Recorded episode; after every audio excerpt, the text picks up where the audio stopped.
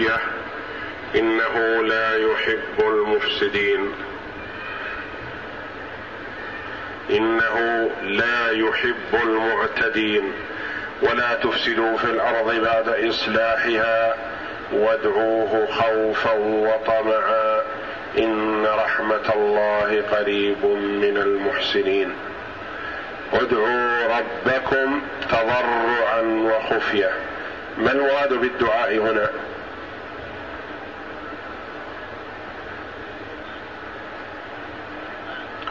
قيل المراد العبادة وقيل المراد الدعاء الذي هو هو الطلب. والدعاء هو العبادة. لأن من دعا شيئا من دعا احدا فقد عبده.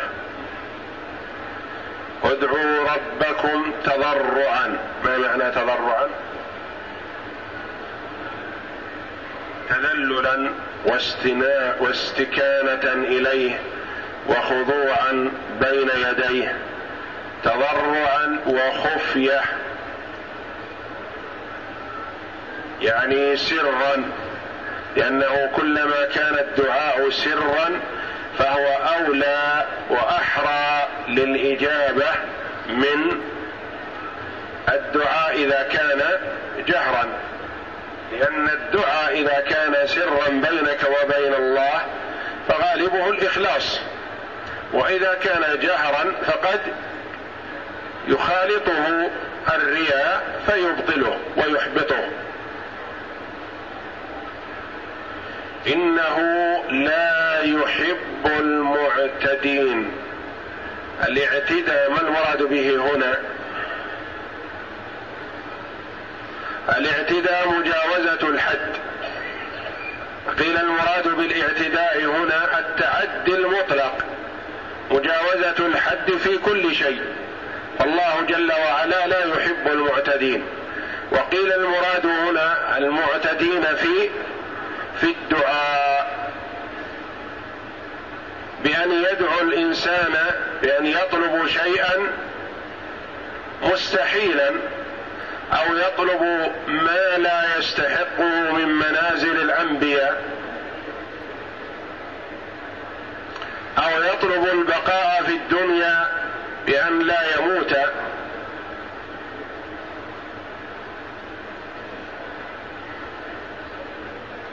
إنه لا يحب المعتدين ولا تفسدوا في الأرض بعد إصلاحها. ما المراد بالإفساد في الأرض هنا؟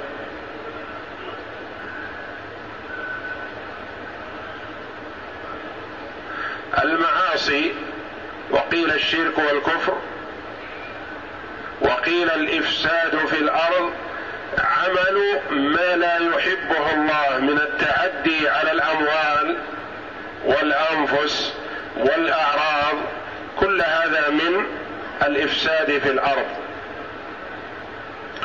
بعد إصلاحها بماذا؟ بأرسال الرسل وإنزال الكتب ولا أضر من الإفساد بعد الإصلاح لأن الإفساد مع الإفساد مضر لكن أضر منه إفساد بعد إصلاح. تخريب الخارب مضر لكن تخريب ما هو صالح أضر.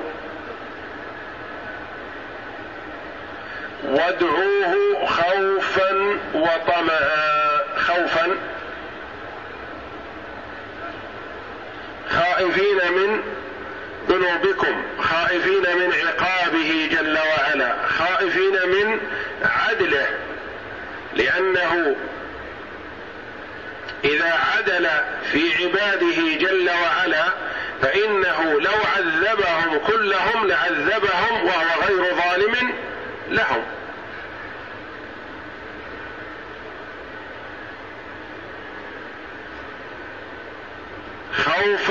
وطمعا طمعا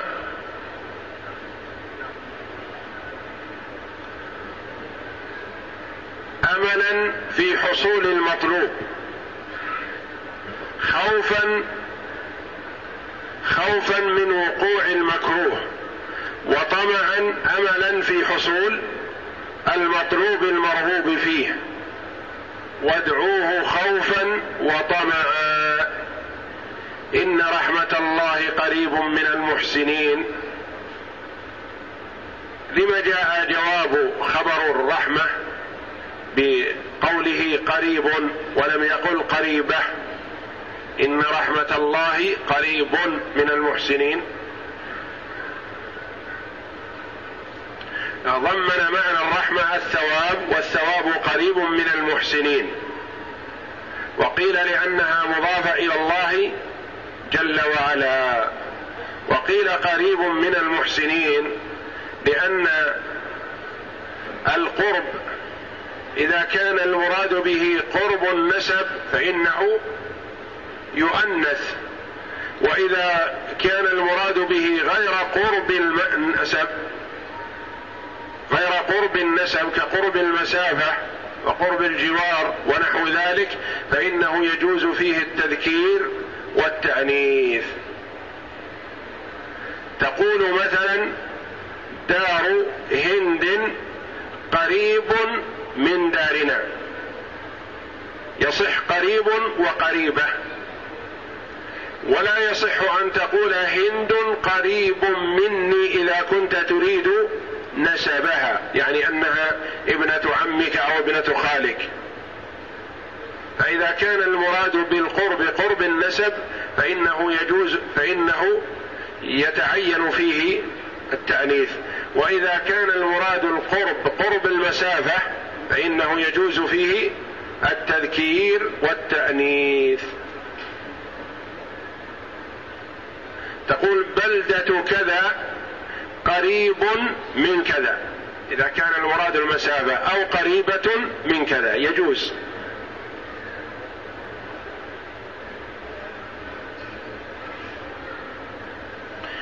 ادعوا ربكم تضرعا وخفية. تضرعا وخفية ما محلها من الإعراب.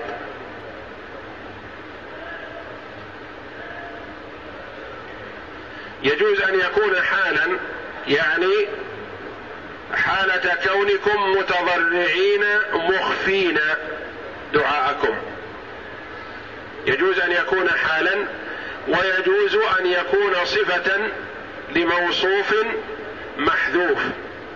يعني ادعوا ربكم دعاء تضرع ودعاء خفية. يصح أن يكون صفة وأن يكون حالا. ومثلها خوفا وطمعا كذلك. خائفين طامعين إذا كان المراد حال وإذا كان المراد صفة ادعوه. دعاء خائف ودعاء طامع. صفة لموصوف محذوف.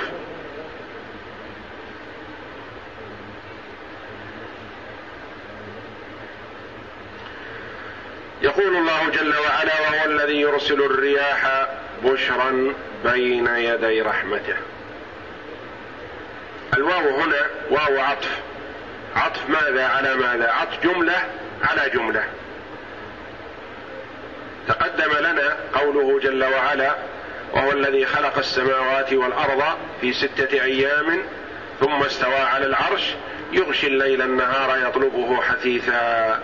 فهذه الجملة وهو الذي يرسل الرياح معطوفة على الجمل السابقة. يغشي الليل النهار يطلبه حثيثا والشمس والقمر والنجوم مسخرات بأمر هذه معطوفة على السماوات والأرض ثم أتى بالأمر بالدعاء جل وعلا ثم قال وهو الذي يرسل الرياح فهي من صفات الله جل وعلا الفعلية أفعاله. وهذه الآيات مع ما سبقها فيها تقرير توحيد الربوبية. وتوحيد الربوبية قد اعترف به المشركون. وسورة الأعراف كما تقدم لنا هي سورة مكية من السور المكية. وتقرير توحيد الربوبية متضمن للالتزام بتوحيد الألوهية. لأنه إذا عرف المرء أن الله جل وعلا هو الخالق الرازق المتصرف في الكون هو المحيي والمميت المدبر لأحوال عباده المتصرف فيهم كيف يشاء هل يصح أن يعبد معه غيره وهذه صفته؟ لا والله. لا يليق. أن تكون هذه أفعاله جل وعلا وهذه قدرته وهذا تصرفه في الكون ثم نلتفت إلى فلان أو علان.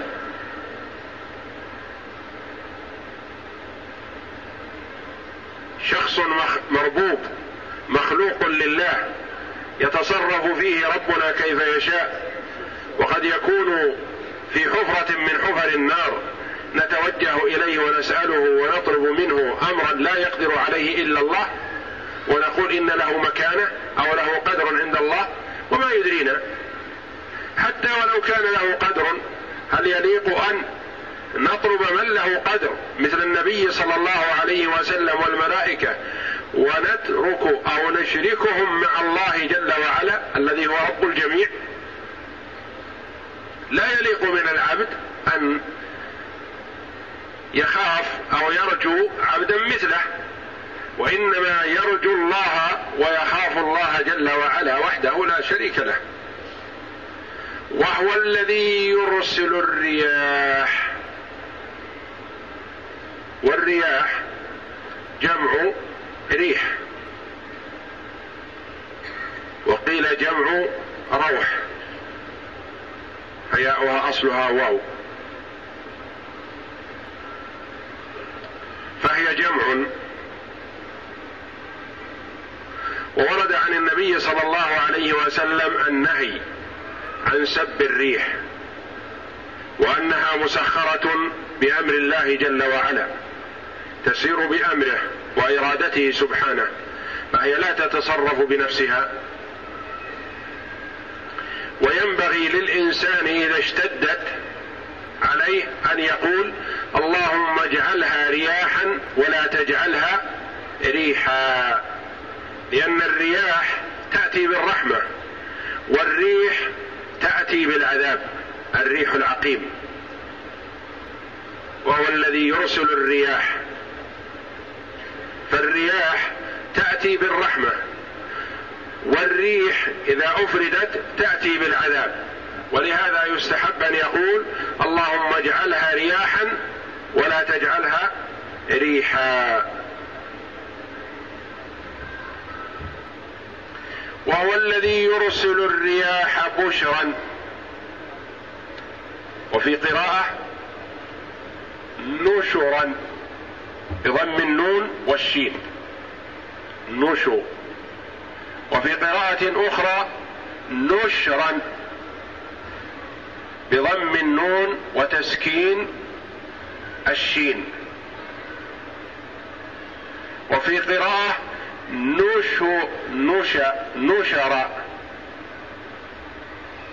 وفي قراءة بشرا بين يدي رحمته. وفي قراءة بشرى بين يدي رحمته. بألف مقصورة.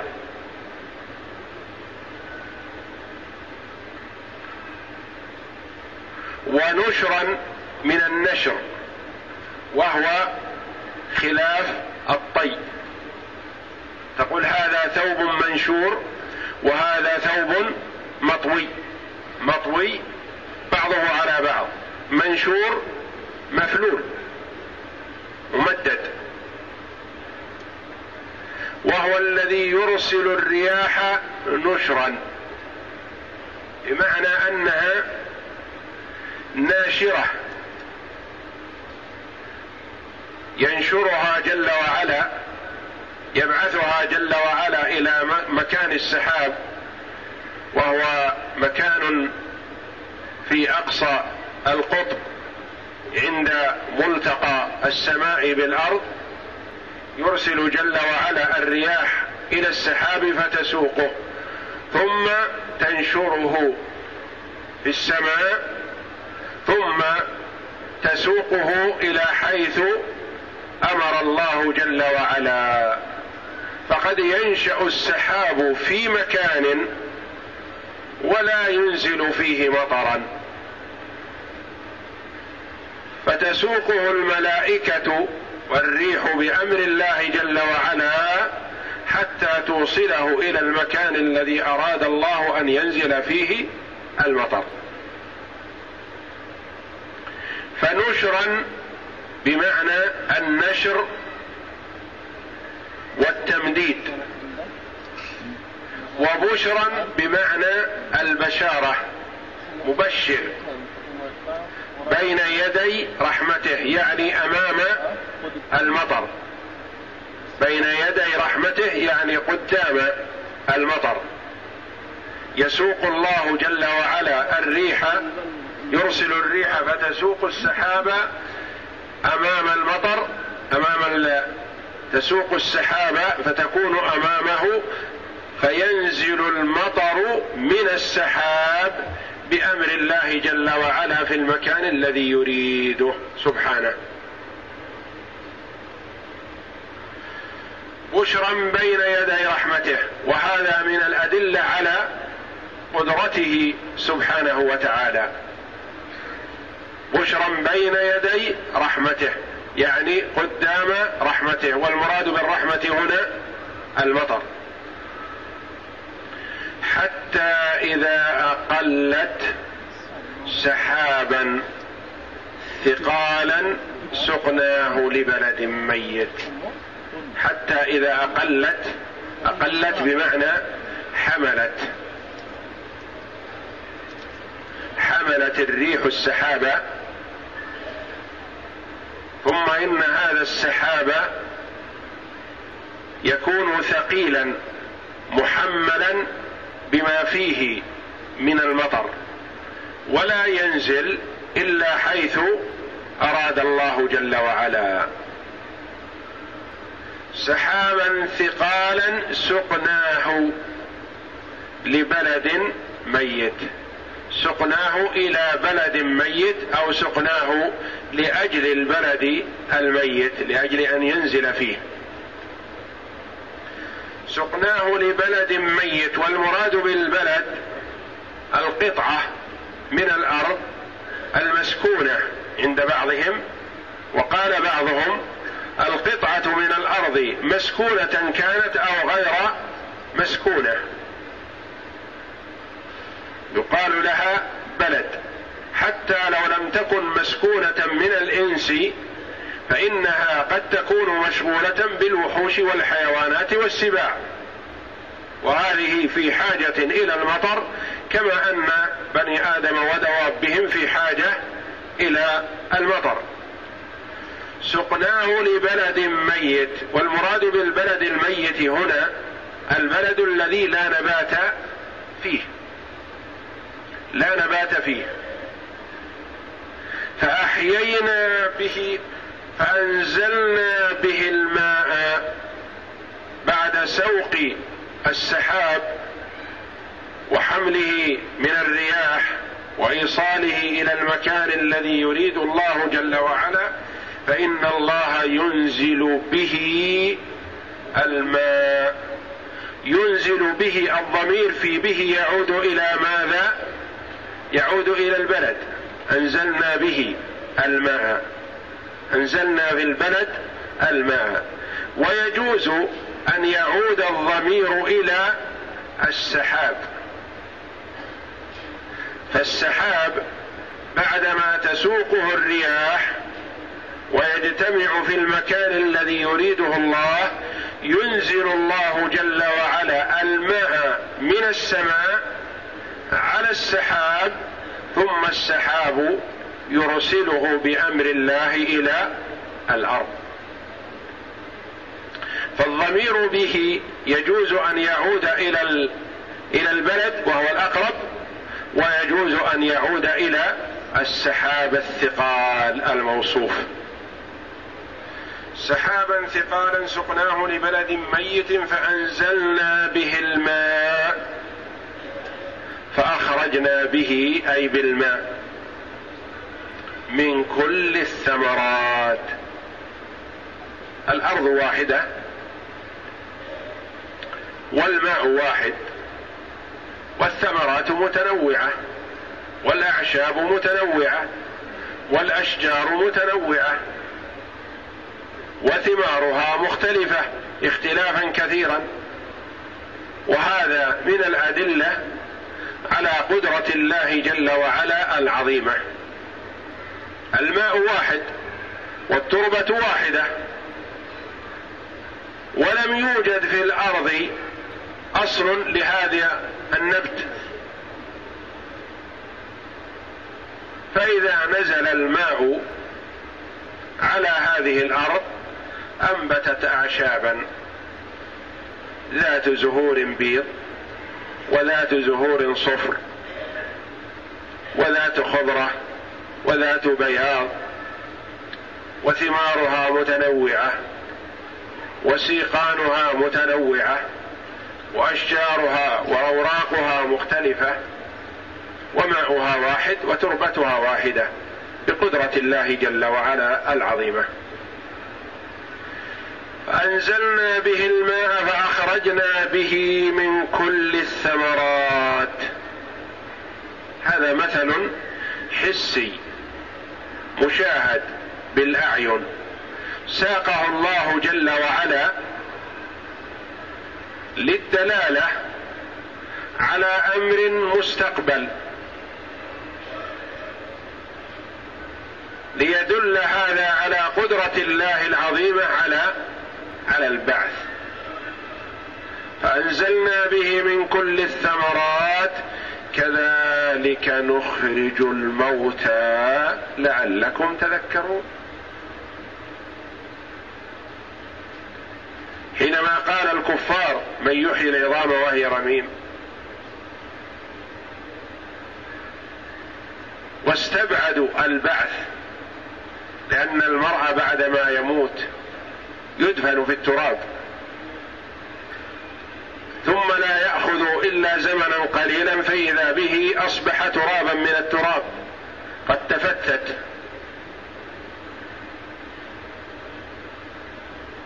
وصار ترابا من التراب لا يتميز عن التربة. فاستبعدوا الإحياء وأن تعود الأجسام كما كانت. وتعود العقول والأرواح. واستغربوا هذا واستبعدوه وأنكروه. فالله جل وعلا ساق دليلا محسوسا. واضحا. يشاهدونه صباح مساء. كل وقت. هذه التربة بيضاء. لا نبت فيها ابدا. فينزل الله جل وعلا الماء فإذا بها بين عشية وضحاها تتشقق وينبت منها النبات فتكون حية بعد أن كانت ميتة. وهذه الأعشاب فيها الأرواح بعد أن كانت جمادا في باطن الأرض.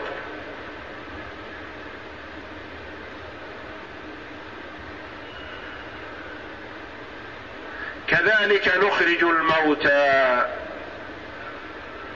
مثل إحياء النبات يحيي الله جل وعلا الموتى.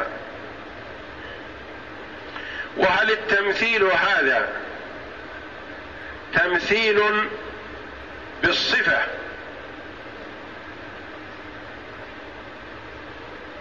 وأن الله ينبت الأجساد من الأرض كما ينبت الأشجار والنباتات الأخرى. أم أنه تمثيل للقدرة كما أن الله قدر على إحياء الأرض وإنبات النبات فيها فهو قادر على البعث.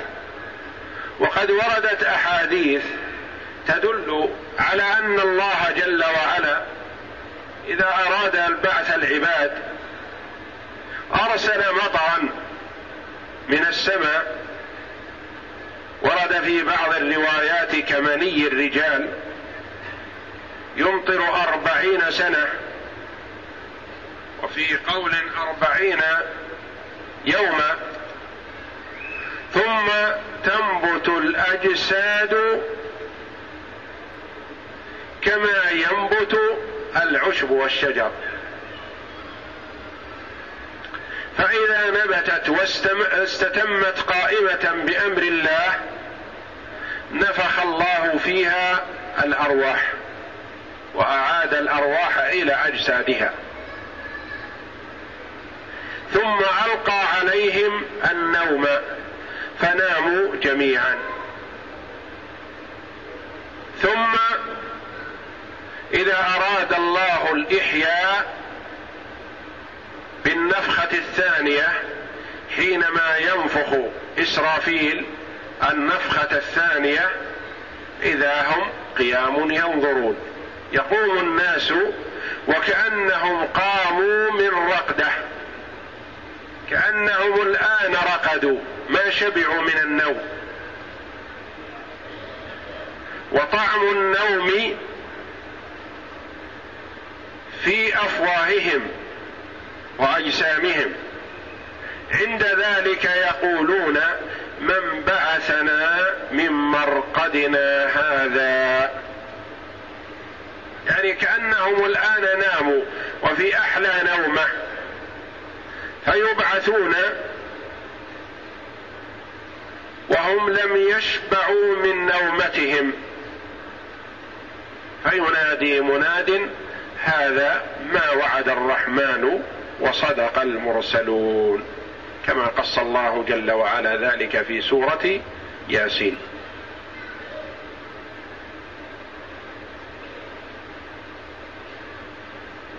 كذلك نخرج الموتى. أي مثل هذا الإحياء للنبات نحيي الأجساد التي أرمت في الأرض وذابت وأصبحت رميما أو ترابا. وكل روح تعود إلى جسدها الذي كانت معه في الدنيا. ويكون النعيم والعذاب في الآخرة للروح والجسد معا. كذلك نخرج الموتى لعلكم تذكرون. هذا مثل واضح محسوس لعل المرء إذا سمعه انتبه له وتذكر أنه صائر إلى هذا الشيء وأنه مبعوث كما يحيي الله جل وعلا النبات في الأرض. كذلك نخرج الموتى لعلكم تذكرون. يقول الله جل وعلا لنا هذا في الدنيا على لسان محمد صلى الله عليه وسلم. القرآن العزيز الذي أنزله على محمد صلى الله عليه وسلم. لعلكم تذكرون. بينا لكم مآلكم. وكيف تحيون لعلكم تتعظون وتستعدون؟